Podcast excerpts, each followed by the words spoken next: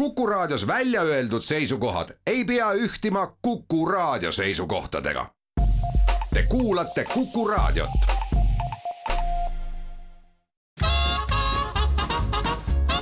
jäljed gloobusel tervist, hea meel öelda, et detsember on täitsa äge kuu ja täitsa äge kuu ka selleks, et jätkata vestlusi saates Jäljed gloobusel. Väntsiga täna jätkame jutte sellisest toredast kuningriigist nagu Norra. suur tere ja eelmisel korral me ikkagi oma Norra saatesse ära ei mahtunud, nii et eh, proovime ka eh, selle saatesloti samasuguste lugudega täita ja Norra on Eestis suurem. me mäletame seda, et see oli mingi viiskümmend tuhat ja pluss ruutkilomeetrit oli see suurus.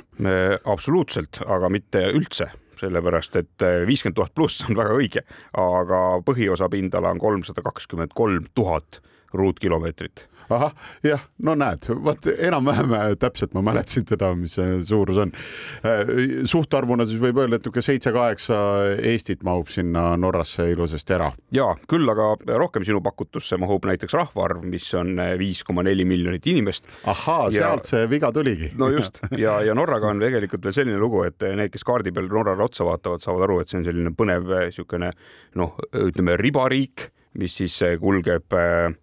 Skandinaavia poolsaare lääne küljes, hakkab sealt põhjast pihta ja tuleb äh, alla otsa välja. Ja, ja tema puhul on hästi kihvtid asjad, sellised faktid, et kõige kitsama koha pealt on Norra kuus koma kolm kilomeetrit lai ja kõige laiema koha pealt nelisada kolmkümmend kaks ja lisaks eh, siis sellele mandriosale koonub eh, Norrale meeletus koguses saari, millest siis eh, suurem ja, ja minu jaoks ka tõenäoliselt üks kõige põnevam on siis kaugel-kaugel põhja pool ja selle nimi on siis meie kodumaises keeles Teravmäed ja, ja kohaliku, kohalikus keeles on ta siis Svalbard mm -hmm. on ju, igavesti põnev niisugune mägine koht keset seda külma ja, ja, ja suurt merd, aga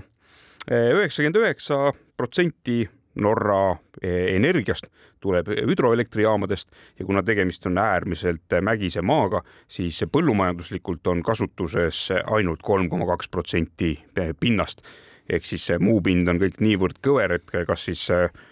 kartula, mugul veereb kohe raginal fjordi või siis veereb traktor ja kombain sinna järgi, nii et, et selle peale nad väga palju e, panustama ei ole hakanud kusjuures see täiesti loogiline tundub ka minu mitmed käigud äh, Norrasse on ikkagi olnud masinaga ja läbi kas Soome või äh, Rootsi. Ja ma mäletan kohe esimene kord, kui ma niimoodi liikusin, siis äh, kui oli piir, Rootsi sai läbi ja Norra algas siis millegipärast kõik läks kõrgemaks ja ilusamaks. ehk siis äh, niisugune mulje ongi, et äh, nii pikalt, kui seda piiri seal äh, nii-öelda ida pool on, nad on tõmmanud selle Rootsi ja Soome vahele täpselt sealt piirilt, kus hakkas asi ilusamaks minema. ehk siis kõik mäed võtsid korralikud, võtsid endale ja niisugused räbalad jätsid Rootsile ja Soomele, et see, see mulle küll on kuidagi nagu silma hakanud, et tõepoolest see piir ei ole juhuslikus kohas, vaid sealt äh, maale läheb kõik mitu korda ilusamaks. ja, äh, ja kusjuures see tee, mida sa räägid, mida mööda sa tõenäoliselt praegu mõtled, et sa sinna Norrasse läksid, on äärmiselt vaatamisväärsena teela ära märgitud ka Regio Euroopa teede atlases ja, ja see on seesama, mis siis läbi Rootsi läheb, on ju Narvikisse mm -hmm. läbi selle Abisko nimelise asula. Ja, ja, ja see on tõepoolest üks selline tee, et, et kui keegi nii-öelda automatkaja või motomatkaja plaanib selle raja ette võtta, siis see on üks variant, see on ka vaieldamatult kõige otsem tee, mida mööda saab siit Meitemaalt läbi Soome ja, ja Rootsi sõita siis näiteks Lofotidele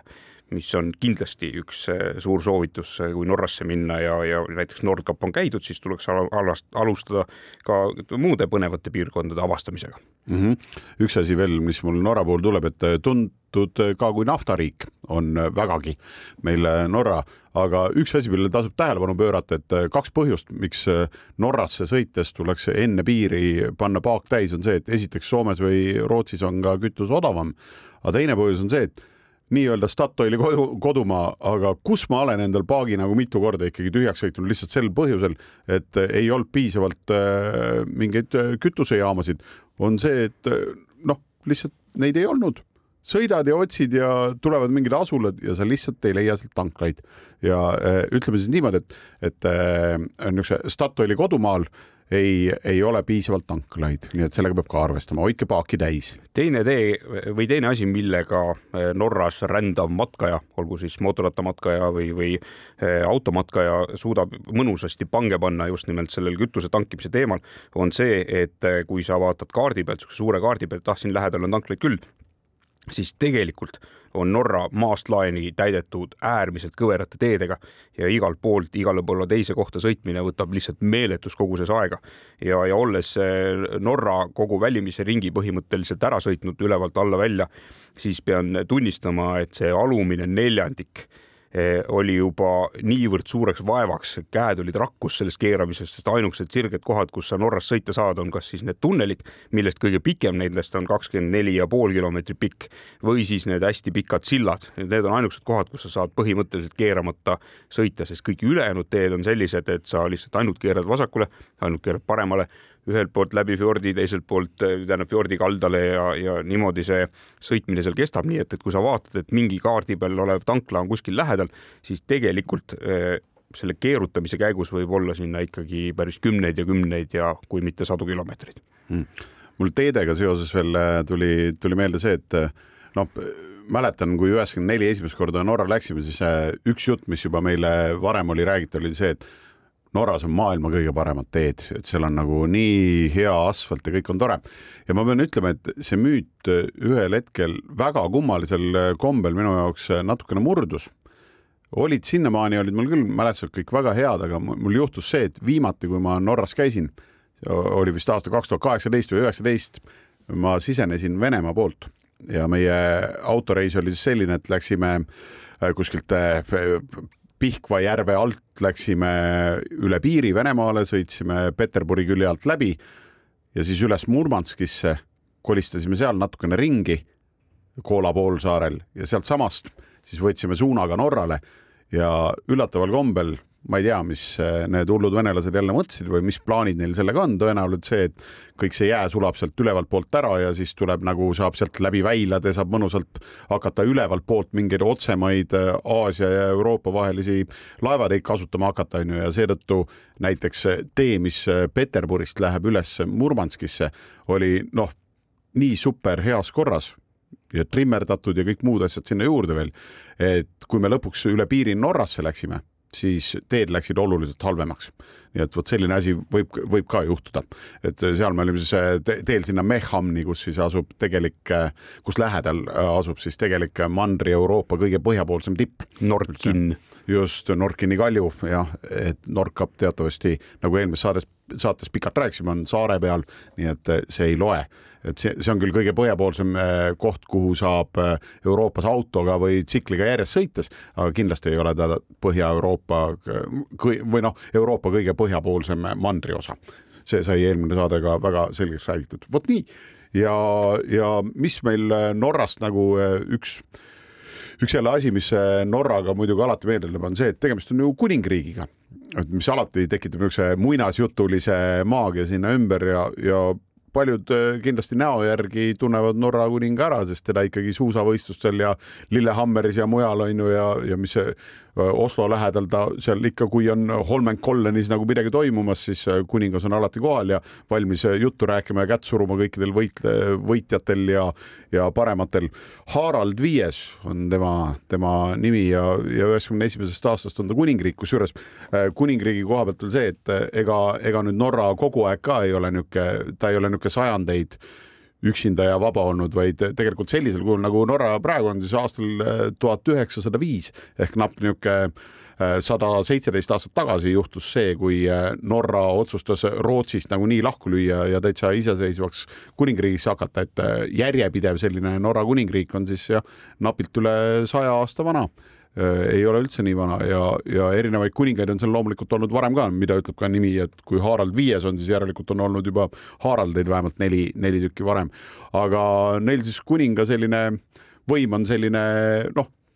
natukene ka niisugune nagu mõnes riigis presidendi võim, et sa saad nagu nõu anda ja sind kuulatakse ilusti viisakalt ära ja harva vilistatakse. mees suure templiga ja just, aga, aga et noh, et nagu liiga palju otsustamisõigust tal ei ole, aga norrakad väga armastavad oma, oma kuningaperet ja, ja toetavad neid ja, ja ütleme siis ka niimoodi, et, et võrreldes mõne teise monarhiaga, ärme üldse mingitest saudidest ja nendest rääkima hakkame, aga noh, ei ole ka Norra kuningapere varad sellised, et inimesed peaksid nende peale pahased olema. et nad on täitsa nagu äh, mõistusepäraselt rikkad ja teine inimrühm, mida me kindlasti saame ka Norraga seostada, on siis ikkagi viikingid ja, ja see, kes viikingitest väga lugu peab ja nende ajalooga tahab äh, tutvust teha, siis näiteks Lofotidel on äh, väga äge ja väga põnev viikingite muuseum ja, ja seal saab ka käia sellise väiksema viikingilaevaga kõrval järve peal kohe ringi purjetamas, noh, mitte küll ise roolida, aga, aga pannakse teid sinna triibulise lipu alla istuma ja saate seal ringi uhada. ja, ja kes viikingite kohta veel rohkem teada tahab, siis on niisugune tore sari tehtud siin Salme viikingid, et neid viikingilaevasid on siin ka meie pinnal pinnalt välja kaevatud, nii et eh, keda see teema huvitab, siis eh, viikingite jutuga kindla peale tasub minna sinna Norra poole peale eh, otsima. ja, ja üks asi, üks rahvakild veel, mis omadega Norrasse välja jõuab, on kindlasti ka saamid ja, ja see nende põhiline eluala siis ongi seal Põhja-Norras, Põhja-Rootsis, Põhja-Soomes ja tegelikult läheb ka sinna Põhja-Venemaale, sinna Murmanski kanti Koola poolsaare peale välja, nii et kes on nii-öelda sellises etno etnograafilisemas meeleolus, meeleolus jah ja., et ja kes tahab nendega püsti või tähendab rohkem tutvust teha, siis ka saami erinevaid nii-öelda muuseumeid, keskusi on, jagub nendesse kõikidesse riikidesse. Venemaa kohta küll ei oska öelda, aga vähemalt Soomes, Rootsis ja Norras on kindlasti.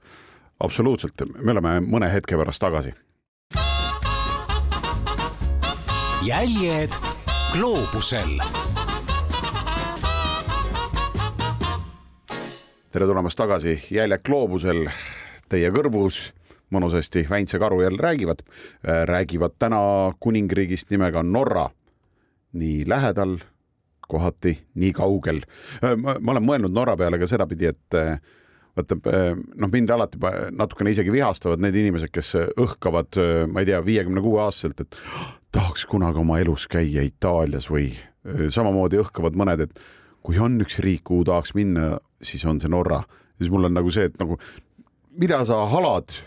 osta pilet ja mine või ma ei tea, lepi pojaga kokku, istuge autosse ja te olete homme õhtul olete kohal. mõlemad on tegelikult täiesti sõidetavas kauguses ja, ja mitte üldse nii, et sa pead nädalaid, nädalaid sinna sõitma, vaid eh, ükskõik, kus sa stardid, hea sõitmise puhul järgmisel päeval oled ikka ikka kohal. ja ma, ma just olen vaadanud eriti seda, et kui ma olen läinud äh, eelmises saates korra sai mainitud, et äh, Soome kõrgem tipp on, on ju täiesti Norra piiril ehk siis kui te kaardi peal ette kujutate, siis Kilpisjärvi, mille lähedal siis see äh, kõrgem tipp on või kust rada algab ja rada läheb kohati ka napilt nagu üle Norra pinna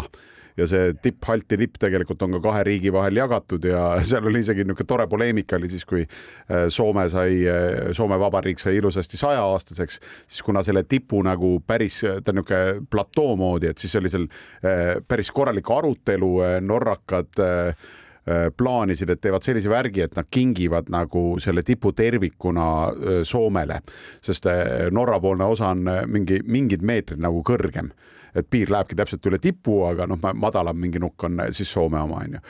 Ja siis käis nagu kõik rahvas oli nagu see, jaa muidugi naabritele kingime selle, mis see, et meil neid tippe ju küll ja veel, sest selle kõrgus on tuhat kolmsada, aga Norra kõrgeim on on ju mingi äh, kaks tuhat nelisada kuuskümmend üheksa on ju, et noh, et mingi see mingi tuhande kolmesajane tipp nagu ära anda, et noh, mis, mis siis ikka onju, aga sealt ikkagi kuskil nende põhiseaduses tuli välja, et, et ühtegi ruutmeetrit äh, Norra pinda lihtsalt põhiseaduse järgi ei tohi loovutada kuigi noh, seal, seal on tõenäoliselt mingeid erandeid, et vaata, äh, ma olen kuulnud ka, et äh, mingites kuningriikides on see, et, et troonipärija, tulevane kuningas või kuninganna võib olla sündinud ainult sellesama riigi territooriumil, et siis on vist ajaloost on teada ka üks juhus, kus oli see, et,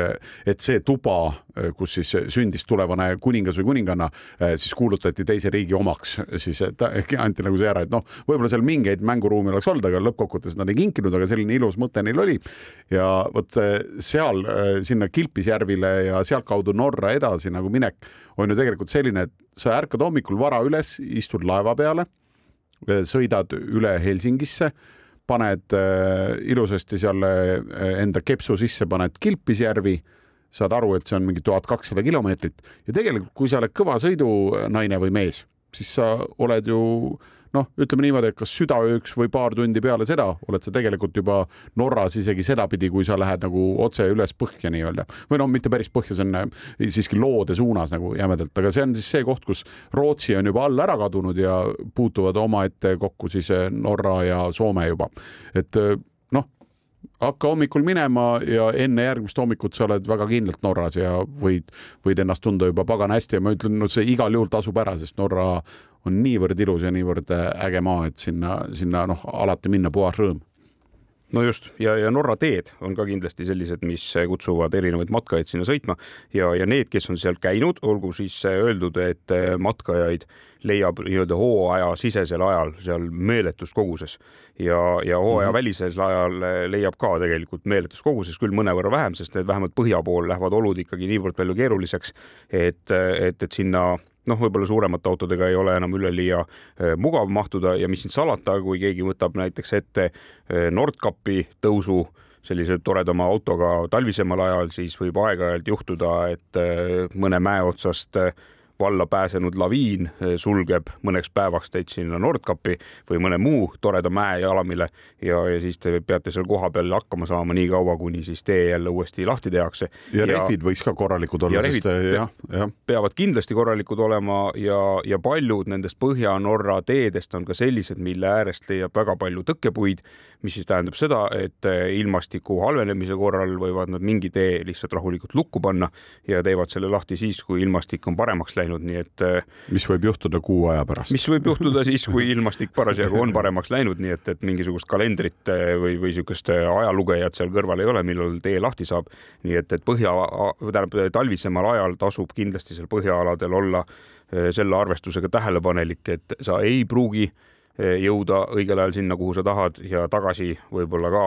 ei, ei pruugi jõuda, nii et saad kas oma töölt äraolemise puhkust pikendada või kui seda ei saa, siis küsid perearstilt äh, endale sinise lehe ja, ja, ja, ja. vanakooli mehe tunnen ikka kohe kaugelt ära. kuule, aga sa, sa ju sõitsid selle Traveler ringi ajal, sa sõitsid tegelikult ju, äh, saan ma õigesti aru, et sa sõitsid äh, ju ühe, ühtepidi nagu terve Norra piiri läbi või? just ja, ja see oligi selle sõidu eesmärk ja, ja noh, kui ma siin eelmises saates rääkisin, et sõitsime Pesooga sõbraga koos Nordkapist Tarifale ja kütuse ökosõidurekordit, siis see algas umbes samamoodi. mulle tundus, et tundub, tuleb üsna selline reisivaene aasta ja, ja ütlesin jälle sõpradele Peugeot's, et teate, mul tuli selline mõte, et ma sõidaks siis esimese inimesena ühe jutiga ümber Euroopa sellise kontuuri ja, ja noh, vaata, mis saab. Ja need muidugi ütlesid, noh, näe, palun, siin on tore Traveler buss, tõstsin sinna voodi ja kööginurga sisse ja, ja, ja panin tuld. Ja, ja üks hää tuttav veel pool reisi sõitis enda bussiga kaasas, nii et sõitsime kahekesi. Ja, ja selle käigus siis tegelikult sai ka Norra välimine joon suures osas ära sõidetud. Et, et, et sõitsime siis Soome idakallast mööda või tähendab õigemini Soome idapiiri mööda ülesse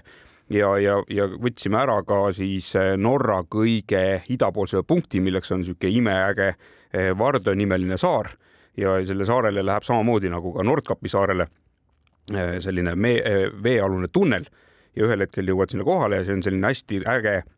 hästi noh, ma isegi ütleks romantiline selline kaluri küla vaibiga koht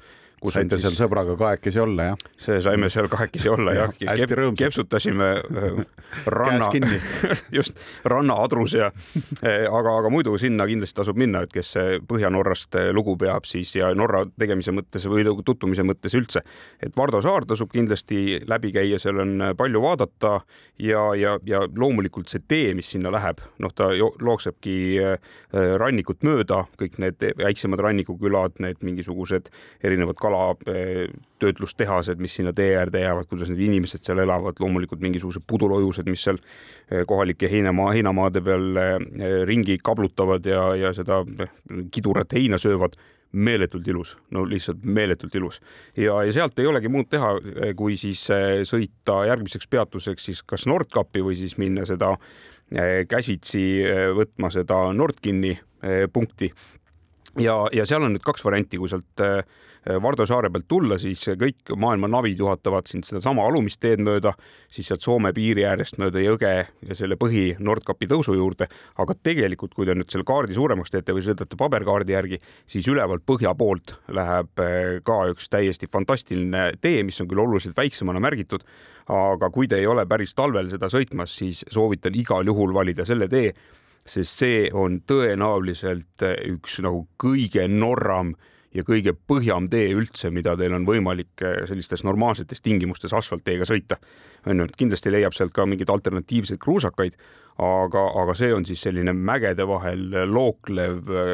kõikvõimalikud mägijõed, mägijärved, noh, lihtsalt nii ilus, et, et põhimõtteliselt, kui ma seal mingisugune nädal aega seda Norrat sõitsime, siis, siis lõpus lihtsalt limas kest kuivas suus ära. et, et suu oli kogu aeg lahti, noh, iga, nii kui kurvi tagant välja tuled, jälle on mingi äge mägi, jälle on mingi äge jõgi jälle äge jõgi või noh, järv on ju, et, et lihtsalt suu on kogu aeg lahti, silmad kõik kriuksu peas enam, sest kõik on ära kuivanud ja, ja käed on rakkus, sest kõik teed on kõverad ja sa keerad muudkui vasakule ja paremale, aga kogu aeg on meeletult ilus. ja, ja tegelikult see meeletult ilus asi eh, oli kuni Lõuna-Norrani välja. et, et see inimene, kes on siin Eestis sellise lapiku maa peal kasvanud, on ju, kus eh, on paar kõrgut, kõrgendikku ja, ja siis Munamägi ja, ja Vallera on ju, siis, siis kui meie maalane satub ikkagi sellistesse,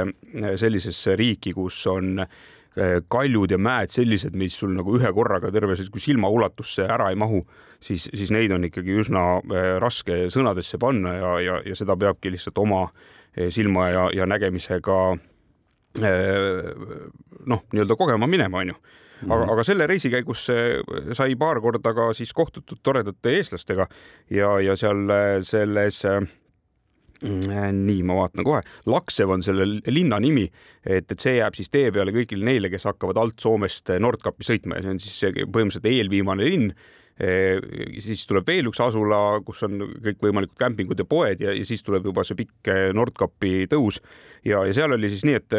kõht oli tühi, lõunaaeg oli käes, jäin seisma, leidsin ühe söögikoha ja, ja, ja seisin pika järjekorra ära leti ääres ja, ja sain siis endale menüü ja see oli puhtalt ainult norra keeles ja, ja küsisin siis eh, teenindava personali käest, et äkki teil on siis ka lahkelt mõni ingliskeelne menüü eh, pakkuda, see ütles ei ole, meil on ainult need norrakeelsed.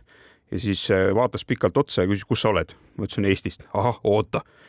Läks ära, tuli köögist, näpu vahel oli üks selline punase peaga pikk kutt ja ütles, et näe, see on eestlane et räägi talle ära, mis, eh, mida siin head süüa on. Ja, ja siis eh, noormees siis seletas ära, mida kõike põnevat oli süüa, nii et, et see oli üks sihuke huvitav koht, kuskohast ühe toreda, toreda eestlasega kokkusattumine eh, toimus.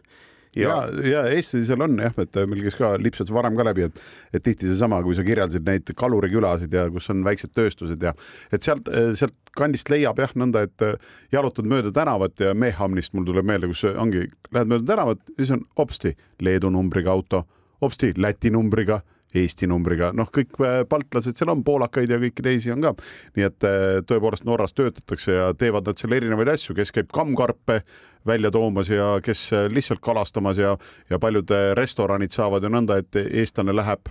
toob külmikutäie värsket kaupa ja jagab Eesti restoranidele laiali, nagu mul üks sõber Erki tihti teeb. nii et niisuguseid eestlasi sealmaal on palju, aga aeg jälle kord teha väike paus jäljed gloobusel.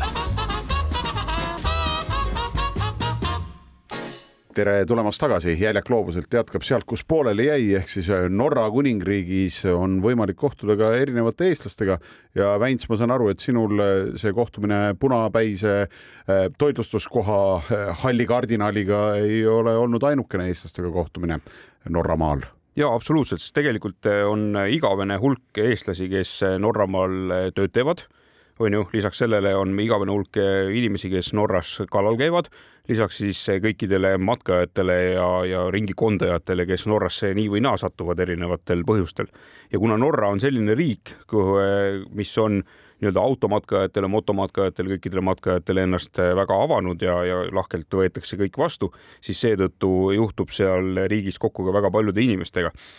näiteks kohe, kui me siin nüüd juba Nordkapist natukene ennist rääkisime, siis mulle meenus, et kui me selle aasta suvel käisime ühte toredat Siguliga sõitmise reisisarja tegemas Kristjan Ojangu ja Tiit Sukaga, siis sellel hetkel, kui me Nordkapi jõudsime, enne kui ma Sigullist tõustes selja sirgeks sain, tuli üks kergelt napsune vend ja, ja küsis mu käest, et oo kui kihvt, et kas Robert Rool on ka teiega sellel aastal kaasas ja nagu eesti keeles ju. ja, ja sulaselges eesti keeles kohe esimene inimene üldse, kes Nordkapi jõudes suu lahti tegi ja, ja pidime ikkagi ütlema, et ei ole sellel aastal kaasas, et aga. pead aga, leppima no, sukaga. just, noh, seepeale ta ütles, et selge ja siis läks minema. et olgu, olgu ta siinjuures tervitatud ja, ja isand Rool täpselt samamoodi Eh, aga, aga siis jah, et Nordkapist eh, ära sõites eh, sattusime tee peal ühte sellisesse kohta, kus oli tehtud selline turisti nännipood, noh, nagu neid ikka on, onju. ja neid mm -hmm. tasub külastada, sest nendest leiab näiteks kohalikku muusikat, mis on mingi asi, mida mina reisidelt alati endaga kaasas ostan, kohalikke plaate ja, ja olles suur saami kultuuri austaja, siis ka selle saami kultuuri erinevat muusikat ja, ja, ja noh, selliseid suuri teadmisi saab ka raamatute najalt või baasil nendest kohtadest kaasa osta.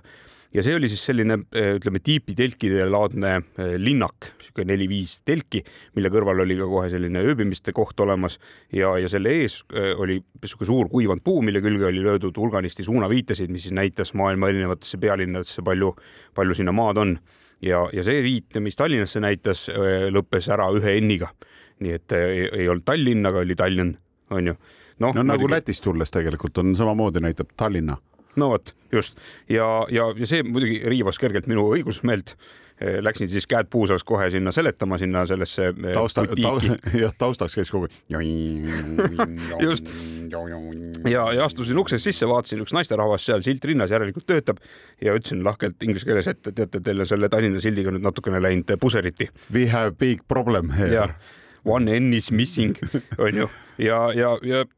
Kersti oli tema nimi, sulaselge Eesti naine, ütles sulaselges eesti keeles, ma tean, aga meil lihtsalt see enne ei mahtunud sinna ära, et meil see suunaviida pulk sai enne otsa mm. -hmm. ja, ja tuli välja, et, et oligi tore naisterahvas, käib seal Norras vahepeal mingisuguseid töökeikaid tegema, kui ta seal endiselt on, saadan lahkelt tervitusi.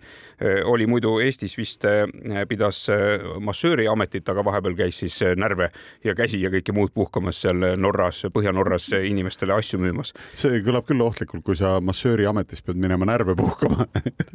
Väga hea, aga õige, kui inimene selle ära tajub, et vot nüüd on hetk, nüüd on minek ja ma lähen sinna rahulikku Põhjamaale, kusjuures mul oli ka üks nännipood äh, teel ülevalt põhjast alla tuli, tuli meelde, kust me läbi astusime, ma ei tea, mis korral ja kellega koos, aga, aga oli tore, et seal pakuti ka neid noh, igasuguseid äh, põhjapõdra luust tehtud äh, peaga nugasid ja kõiki neid äh, igasuguseid nahast toredaid tooteid ja kõike muud, aga pull oli just see, et see kuidagi nagu oligi nagu niisugune poekene, sa võisid sinna sisse minna, ega seal müüjat ei olnud. Et müüja tuli alles siis äh, teist poolt teed hoopis, äh, kui ta nägi, et keegi seal seisma jäi, siis ta mingi aja pärast lasi rahulikult vaadata ja toimetada, siis mingil hetkel tuli ja ütles, et jah, palun, ostke, vot ja saab kaardiga ka. et niisugused toredad suveniiripoed on seal ja ja, ja see suveniiri pool oli või pood oli veel selles mõttes eriline, et seal oli ka väike kohvikunurk, mis siis pakkus kohalikke toite. Ja, ja seal me saime siis esmakordselt maitsta seda eh, Norra kuulsat pruuni juustu, mis tegelikult oma olemuselt minu meelest üldse juust ei ole, aga, aga ta maitselt on väga mõnus. Ja, ja siis saime suure kopsikuga ka sellist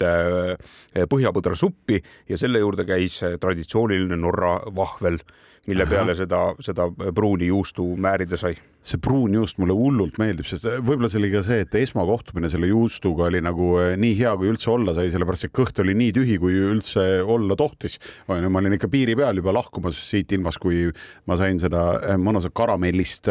nii-öelda juustu esimest korda maitsta. nime ma tal ei tea, see selleks, las ta olla. Need, kes on söönud, need teavad ja, ja ma olen sellest ajast alates alati seda pruuni juustu siis endale äh, sisse surunud heas mõttes ja, ja kaasa ostnud kui ma olen Norras käinud ja kui ma siin juba nendest turistidest äh, rääkisin ja, ja kellega seal kohtuda saab, siis tegelikult äh, nendega saabki põhimõtteliselt igal pool kohtuda, sest Norra näiteks nii palju, kui minul on kogemusi olnud äh, nii, nii eelnevate kui ka selle reiside kui ka järgnevate reiside puhul, siis selleks, et sa autoga kuskile ööbima saaksid jääda, on teede äärde rajatud sellised väikesed taskukesed, noh, mõned on küll selgelt isetekkelised, aga, aga mõned on ka selgelt asfalteeritud ja toredad. Ja, ja kuna iga koht, kus sa vähegi autoga seisma saad jääda, kõik on ilus ilusad. teed lihtsalt ukse lahti ja, ja või vaatad aknast välja ja kogu aeg on jälle ilus ja jälle limaskest kuivab suus ära, sest suu on kogu aeg lahti, siis kogu aeg on nii ilus ja silmad on pärani ja silmad kuivavad ära ja, ja ühesõnaga üks suur kuivamine on seal Norras, siis äh, igale poole, kus sa vähegi saad, saad ennast rahulikult äh, panna äh, ööbima ja, ja siiamaani ei ole keegi tulnud veel ukse peale koputama. loomulikult nendele inimestele, kes peavad lugu võib-olla natukene nagu mõnusamast ööb, ööblemisest siis, eh, siis saavad ennast sättida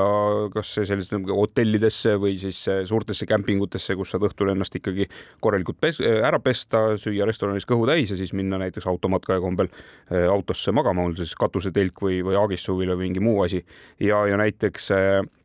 Lohvootidel oli seina peal suur kiri, kuidasmoodi ööbida tohib ja kuidasmoodi on viisakas. Ja seal oli sulaselgelt kirjutatud, et sa võid igas kohas ööbida, noh, kus on nagu mingi jälg ees võid ööbida kaks ööd, eh, nii et sa ei pea selle maaomanikuga eraldi kokku leppima. aga Aha. kui tahad kauemaks aegaks jääda, siis on eh, väga viisakas eh, kokku leppida, et, et ma nüüd olen siin ja, ja loomulikult on viisakas ära viia ka kogu prügi, mis sa oled vahepeal endaga sinna kaasa tootnud ja loomulikult, kusjuures kui tuua paralleel eestlastele ja Eestimaale, siis äh, meil ju siin on ka igamehe õigus. Ja nüüd äh, kõrv kikki need, kes on muret tundnud, et äh, ja ka maaomanikud, et te teaksite, et paljud ei tea lihtsalt, et tegelikult on hästi lihtne. eramaal sa tohid viibida, sa tohid põhimõtteliselt korjata ka sealt on ju marja ja seent, sa võid ka maha kukkunud oksa võid üles võtta, on ju. ja tegelikult ühe ööpäeva võib igaüks ka eramaal veeta, välja arvatud juhul, kui ilmselgelt loetavad sildid seda keelavad või siis äh, omanik ise tuleb ja suuliselt seda keelab. kui omanik ikka ütleb, et see on minu maa ja siin ei tohi ööbida, siis ei tohi. aga kui omanik seda sulle ei ütle, siis tegelikult tohid ka eramaal samamoodi ööbida ja samamoodi ka viibida ja korjata siis äh, jälle, kui suuliselt sulle ei ole öeldud või ei ole noh, seal on ka noh, spetsiifiliselt võib öelda nõnda, et kui sa tahad mingid äh, keelavad sildid panna välja maaomanikuna, siis sa pead ikka hullult vaeva nägema ka, sellepärast et äh, seal ei tohi jääda võimalust, et inimene jalutab kahe sildi vahelt läbi, et need on teineteisest nii kaugel, et sa suudad sealt vahelt läbi jalutada nõnda, et sa silti ei näinud, et siis sa ei ole midagi nagu valesti teinud, et, et neid silte peab ikka olema sel juhul väga tihedalt. aga noh, on kohti, kus olen näinud, et on piisavalt tihedalt, et mõni noh eestlasele on see ka üsna omane, et ja väga kihvt mõte teil, et siin saab niisuguse matkaraja teha ja see on väga kihvt, et see siit eh, minu maa lähedalt läheb mööda ja et otse oleks üle minu maa, et, et ajage oma projekti täitsa rahulikult edasi, aga mitte üle minu maa, mitte üle minu maa, noh, see on nii tüüpiline eestlasele omane, eh, kusjuures eh, paljud neist kardavad just nimelt seda, et praht jäetakse maha. Ma ütlen, noh, matkaja on viimane, kes mingi prahi kuhugi maha jätab. Äh, maha jätavad prahi need jobud, kes ei ole matkajad, vaid tulevad lihtsalt sõidavad autoga sulle RMK, RMK platsile jooma, siis nemad on need, kes jätavad taara ja kõik asjad sinna vedelema ja, ja mitte kõik loomulikult, aga noh, need jobud tulevad ikka pigem sealt. matkaja jaksab viia metsa, jaksab tuua välja ja pigem võtab ka tee äärde maha pudenenud äh, kommipaberi üles ja, ja vaatab igatpidi, et kõik oleks väga korras. ja mõistlik inimene saab loomulikult aru ka, et see tasuta ja, ja luba metsasaadusi noppida ei, ei laiene aias olevate punastsõstarde ja, ja kanalas olevate kanamunade peale, nii et,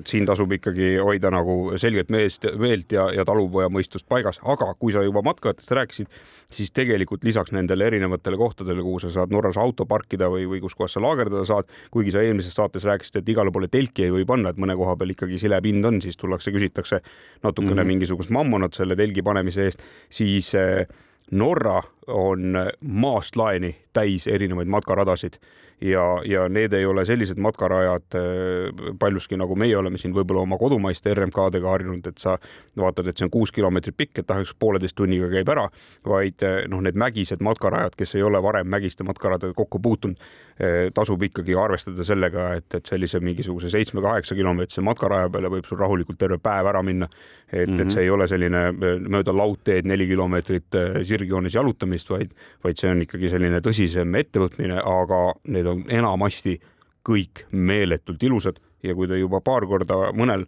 matkarajal olete Norras ära käinud, siis ärkate tõenäoliselt nii nagu ka mina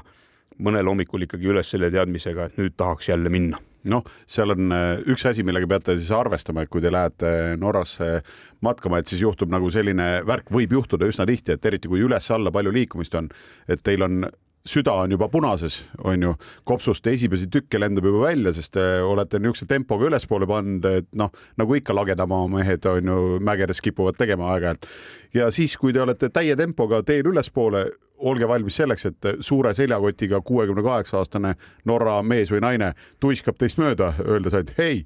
ja kaob järgmise kurvi taha. et ärge siis võtke seda väga isiklikult, sest nad on seda tõepoolest aastakümneid juba harjutanud ja isiklikust kogemusest võin öelda, et kui nüüd keegi plaanib minna mägedesse matkama Norrasse, näiteks kuna me täna räägime Norrast, siis kindla peale tasub oma matkavarustuse nimekirja lisada ka eh, need käimise kepid mis teevad mägest ülesmineku ja eriti veel järskudest mägedest allatuleku oluliselt mugavamaks, mõnusamaks ja turvalisemaks. nii on, me oleme mõne hetke pärast taas tagasi. Jäljed gloobusel nõnna, head inimesed, Jäljed gloobuselt on pausilt tagasi, Karu ja Vänts on stuudios ja jätkame jälgede tegemist Norrasse ja mm, -hmm. ja Norraga on muidugi see lugu, et oleme salamisi jõudnud teise saate viimasesse veerandisse ja, ja rääkida on, me pole veel üldse põhjast allapoole saanudki. ei ole jah. just, aga Norraga ongi see lugu, et seal on meeletult palju rääkida ja tegelikult ei ole me jõudnud ka Lofotidest veel rääkida. ja kui ma seda saadet ette valmistas, valmistades tegin lahti oma Google'i kaardi, kuhu mina, eh, vana veidrik, eh, panen alati ägedate teede ja ägedate kohtade peale, mis mulle tee peale jäävad, neid eh, selliseid Google'i kaardi südamekesi, et siis ma tean teinekord sinna tagasi minna, siis põhimõtteliselt on mul see suur osa Norrast. Kõikide nende ägedate teedega lihtsalt äh, lõpmatuselt äh, ära südandatud nii et mm, -hmm. et tegelikult nendest igast teedest oleks ka omaette asju rääkida, aga mis on Norra puhul kindlasti eh, huvitavad ja, ja silmajäävad asjad on siis äh, tunnelid, on ju, Norra mm -hmm. kõige pikem tunnel on kakskümmend neli ja pool kilomeetrit pikk, mis on iseenesest noh, nii pikk, et sa oma peaga ei suudagi välja mõelda, et üldse tunnel mäe seest nii pikalt minna saab. ja, ja, ja see on siis veel kujundatud sellisena, et sa peast ise pahaks ei lähe, siis on nii, et, et sinna vahepeale on tehtud mingite kindlate vahede tagant sellised nagu suuremad augud, kus on erivärvilised asjad, kus sa saad siis seisma jääda, fokusseerida ennast jälle, et, hmm. et sa mingisse tunnelisse siukseks nagu imelikuks peast ei lähe. ja, ja siis üks väga põnev äh, sihuke tunneli asi, millesse ma veel Norras olen äh, suure hurraaga sisse sõitnud, oli selline, kus ühel hetkel oli tee peal või seal kalju seina küljes märk, et nüüd ootab sind ees ringtee ja, ja siis mul küll tekkis selline mõte, et nüüd ma olen vist juba siin Norra tunnelites liiga kaua sõitnud, et noh, ei saa olla, et sul on ringtee ja, ja enne imet natukese aja pärast ongi keset mäge mäe sees, tunnelis ringtee, saad siis valida endale jälle sobiliku suuna, kui valid õige suuna sinna, kuhu minema pead, sest sa tegelikult ei tea, kus sa minema pead, sest navi ei tea, kus sa minema pead, sest läbi mäe ta ei võta seda GPS-i sul. siis valid õige suuna, sõidad, sõidad ja natukese aja pärast on jälle ringtee ja siis jõuad õigesse kohta välja et need paljud sellised ägedad ja pikad fjordid on tunnelitega lõigatud sirgeks ja, ja see nüüd ei pruugi olla äh, nüüd absoluutselt sada protsenti tõene, aga ma olen nüüd kuulnud sellist väidet ka, et praegusel hetkel norrakad on asunud või asumas kohe Eh, rajama ühte fjordi vahelist mäge läbivat laevatunnelit, et selle jaoks, et eh, Opa. laev ei peaks sõitma kilomeetreid ja kilomeetreid fjordist välja, et siis järgmisse fjordi sisse tulla, vaid nad on plaaninud siis närida läbi mäe sellise augu, et ka laev sealt läbi minna saab, nii et kui keegi teab sellest midagi rohkem, olge lahked, kirjutage meile meie toredasse sinisesse maailma sinna Facebooki lehe peale ka seda informatsiooni, et saavad ka need Eh, kuulajad seda infot lugeda, kes eh, võib-olla sellest natukene rohkem teada tahavad. aga no, nüüd teeme suure hüppe sealt põhjaosast ikkagi pealinna Oslosse. Oslo jah, mina näiteks olen Oslos käinud vist kaks korda ainult, sest enamasti lähed mujale, aga äh, nagu iga korralik nagu Oslo külastaja, muidugi selles Viigelundi pargis ma olen käinud, see, kus skulptor siis, kelle nime park kannab, kunagi tegi rõõmsalt äh, siis äh, hunniku äh, toreda erineva kujuga inimkehasid, pani sünnist-surmani ilusasti sinna kokku ja igal juhul on see külastamist väärt ja, ja mõt-, mõtisklemist väärt. mul Oslost on nagu jah, võib-olla see ongi nagu kõige kirkam mälestus aastast üheksakümmend neli, et selle, see park ja seal käimine ja see, et ma kohtasin ühte sõpra suvaliselt nagu keset tänavat ja me suutsime nii cool'ilt välja selle äktida nagu teiste jaoks, et oligi tšau, tšau, mis teed täna õhtul? aa, ma lähen siin kõrval on üks paa peal, lähen sinna. okei okay,, kuule, me paneme täna edasi veel, et tšau, tšau ja siis teised kõrvalt olid, mis see oli praegu? ma ei tea, lihtsalt sõbraga pärast kokku saime sellega, mis see oli praegu, kuidas sa olid seal, kumbki ei teadnud, et teine läheb.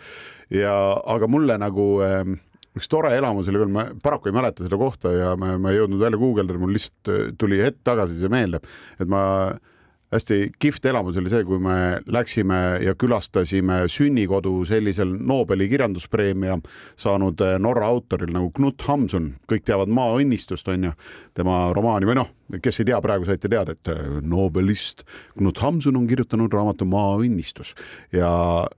selgus, et ta oli kogu oma suure perega, kus ta siis üks lastest oli, nad olid kasvanud sellises majas, mis oli umbes nii suur nagu normaalse inimese köök umbes või köök ja, ja natukene esikut sinna juurde, et täitsa müstilistes väikestes, väikestes oludes ja vaiksetes mägede vahel ja see kohe absoluutselt pani mingisse teise perspektiivi ka selle maaõnnistuse ja see, kuidas ta, et vau, on ju, et noh, said aru, et kus see background on, et kust, kust see mees nagu tuleb, et see oli hästi kihvt ja üks asi, mis minul Norraga muidugi äh, täiesti nagu seostub alati, on virmalised. Ja minu viimases käigus, kui me tulime sealt tõepoolest Murmanski poolt Venemaalt, tulime üle piiri, siis äh, osad olid, äh, meie grupis oli inimesi, kes ei olnud varem üle polaarjoone ülevalpool käinud ja siis neil oli see virmaliste saamise himu oli hirmus suur. küsis kogu aeg, et kas ikka saab virmalisi ja ma lubasin, et saab, saab, saab. ja nii kui me Mehhamnis äh, panime lennujaama kõrval pidurit, et järgmine päev hakata siis Mandri-Euroopa kõige põhjapoolsemasse tippu ehk äh, sinna Norkini kalju poole sammuma, kahepäevane ritt nagu ta on, siis äh, nii kui autost välja astusime õhtul, nii olid need virmalised meil seal laes olemas nii-öelda ja enam ära ei läinudki praktiliselt, nii et väga kihvt ja, ja, ja veel viimane asi, mis me, enne kui ma luban sul Lofootidele minna koos rahvaga ja kuulajatega, et hästi abivalmis on Polaarjoonest ülevalpool kõik inimesed, et kui ma käisin sõber Gerdiga, käisime äh, minu varasema Saabiga ehk Saab üheksa viiega kunagi, siis sellel oli tagasild paigast ära ja siis kippusid rehvid nagu mingil hetkel vaikselt plaks ja plaks seal äh, katki minema. hiljem selgus, et äh, noh, jah, et äh, tuleb natuke remontida. Aga nii kui autoga oled tee ääres seal põhja pool, siis kui auto seisab, ohutuled vilguvad, isegi kui sa ei peata kedagi, iga auto jääb seisma, kõik küsivad, kas sul on abi vaja, kas on nagu, kas kõik on hästi, sest kõik teavad, et seal, kui keegi näeb, jääb nagu külm ööbimisse, siis see on natukene ohtlik. aga lofoodid, mina ei ole käinud, Väint, sina oled. Mis ilus kant äh, sellest Norramaast siis Lofoodid on? ja eks paljudele matkajatele kindlasti on Lofoodid kõrva jäänud ja, ja väga paljud eestlased on kindlasti seal ka käinud. tegemist on siis seal Põhja-Norra poole peal, kui nüüd kaardi pealt vaadata, siis otsige üles Tromsø ja sealt allapoole siis hakkavad need Lofoodid vaikselt pihta ja need siis suures osas päädivad sellise mere sisse ulatuva pika saarestikuga ja, ja noh, kui ta kaardi pealt äh, tundub, et äh, kaugel ta nüüd ikka on või nagu kui suur see saarestik ikka on, siis, siis tegelikult selle paneb äh, paika sellest, et, et näiteks sealt Lohvootide alguses, sealt, kus noh, suures osas hakkab see tee sinna saarestikku lõppu sõitma,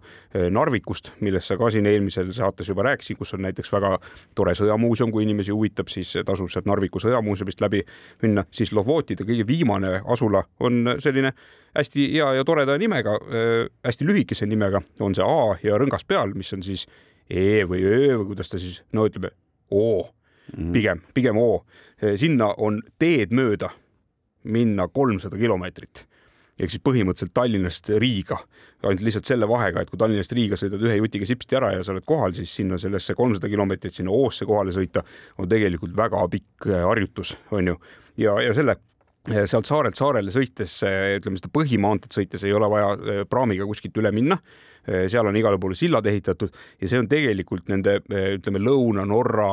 rannikuäärsete hiigelsuurte, hiigelpõnevate selliste kaarjate sildade nagu õppematk. Et, et seal sa saad natukene kätte, mis sind seal Lõuna-Norra poole peal ootama hakkab, et, et seal noh, on need mingisugused hiigelsuured ja, ja maailmakuulsad eh, sillad seda eh, Atlandi äärset eh, teed mööda lähevad, sellel teel on ka oma põnev nimi, aga ma olen nüüd selle hetkel praegusel hetkel noh, natukene suutnud ära unustada Pole hullu. ei ole ja, ja lofoodid oma olemuselt, nagu ma ütlesin, on tegemist eh, saarestikuga ja, ja see on jadamisi hulganisti saari, millel on eh, üsna eh, harv asustus, aga selle eest on sinna ka maetud kümnete ja kümnete viisi erinevaid põnevaid matkaradasid, millest näiteks noh, et mingisugune aimdus saada, millised Norra matkarajad on, on siis selline matkarada, mille nimi on Djevelporten mis on siis justkui kuradi äh, värav ja, ja see viib siis välja sellisesse kohta, kus kaljude vahele on kukkunud üks kivikärakas ja see seisab siiamaani seal, luues siis justkui selle värava, mida vaatama minnakse. ja, ja see on umbes kohale minek äh, sealt parkimisplatsilt merepiirilt põhimõtteliselt nagu nullkõrguselt kahe tunniga jõuad tõusta kuussada meetrit ja, ja see on siis mm -hmm. noh, ikkagi selline mõnus tõsine harjutus, mille käigus tuleb siis vahepeal äh, ronida selgelt mööda kive üles ja siis on sinna veetud äh, sadu ja sadu trepiastmeid, selliseid suuri kivikolakaid, siis on vahepeal üle soise ala, siukse väikese lagendiku läheb laudtee, siis ronid jälle mööda kive. äärmiselt põnev ja, ja äärmiselt äh, tore tegemine. Ja muidugi Lofootidel äh, nii see Oo, see viimane asula on, on selline koht, kus tasub aeg maha võtta, käia rahulikult läbi äh, kõik need tänavad, üksikud tänavad, mis seal on, on see Lofoodid täis neid erinevaid selliseid asulaid, kus igaüks väärib peatumist, küll seal on mõningad sellised asulad, kus noh, tasub nagu pikemalt peatuda, üks nendeks on siis see Henningsvär on ka selline tore äh, väike saare peale rajatud äh, kaluriküla, mis on noh, lihtsalt sõnul seletamatult äge koht aga, aga selle külaga on selline lugu või selle asulaga on selline lugu, et see on kõikide nende Lofootide kaartide peal, turistikaartide peal, mida seal jagatakse, see on välja toodud seal. küll aga leidsime me sealt põhja poolt äh, sellise asula nagu Nüksund kuhu siis viimane viis kilomeetrit põhimõtteliselt läheb mitte asfaltteed, aga, aga nii-öelda kaljuservas selline serpentiin pinnastee ja, ja jõuab sinna lõpuks kohale ja, ja see on nüüd küll selline koht, kuhu mina isiklikult soovitan, et kui te olete Lofootidel käinud ja ülejäänud asjad on nähtud, aga tahate kogeda midagi absoluutselt teistsugust eh, või te ei ole Lofootidel kogenud, aga tahate saada mällu templi igaveseks, siis Nüksund on üks selline asula, eh, kuhu tasub kindlasti kohale minna. see on selline asula, kus seitsmekümnendatel põhimõtteliselt ei elanud enam mitte kedagi et, et riikliku programmi järgi need, kes kuskil kaugel ääre peal elasid, need korjati sealt ära ja pandi elama sinna, kus neid oli oma riigi kodanikke nagu mõistlikum elatada, onju ja, ja aga siis peaaegu asula suri ära ja hakkas sealt siis tasapisi äh, jälle äh, väikeste uute avastuste toel, mida vist Saksa eh, tudengid ühe korra leidsid seal asula ja tänaseks on siis, elab seal niisugune kolmkümmend kuni nelikümmend inimest, kes peavad seal erinevaid restorane, erinevaid hotelle. noh, täiesti fantastiline koht ja loomulikult, kuna meil aeg saab otsa, ütlen kiirustades ära, et sealt saab alguse ka eh, väga äge matkarada, mille nimi on siis Dronninguruta mis peaks siis tõlkes tähendama kuninganna tee, sest kuninganna olla ise seda käinud ja, ja seal kõrval siis neliteist kilomeetrit eemal eh, maanteed mööda veel, veel kaugem asub niisugune koht nagu Stöö ja sealt väljuvad siis vaalavaatluslaevad. nii et eh, nüüd suure raginaga jõudsime jälle selle saate lõppu ja ega siin polegi ja. muud kui jah, me tõmbame joone. ja proovime panna ka meie Jäljak loobusel Facebooki lehele mõned pildid äh, Norrast siit ja sealt kohtadest. Äh, aitäh kuulamast kõigile. täna rääkisime siis riigist jah, mida valitseb hetkel Harald Viies ehk see on Norra kuningriik, Väints ja Karu tänavat teid. suur tänu ja püsige avarad. jäljed gloobusel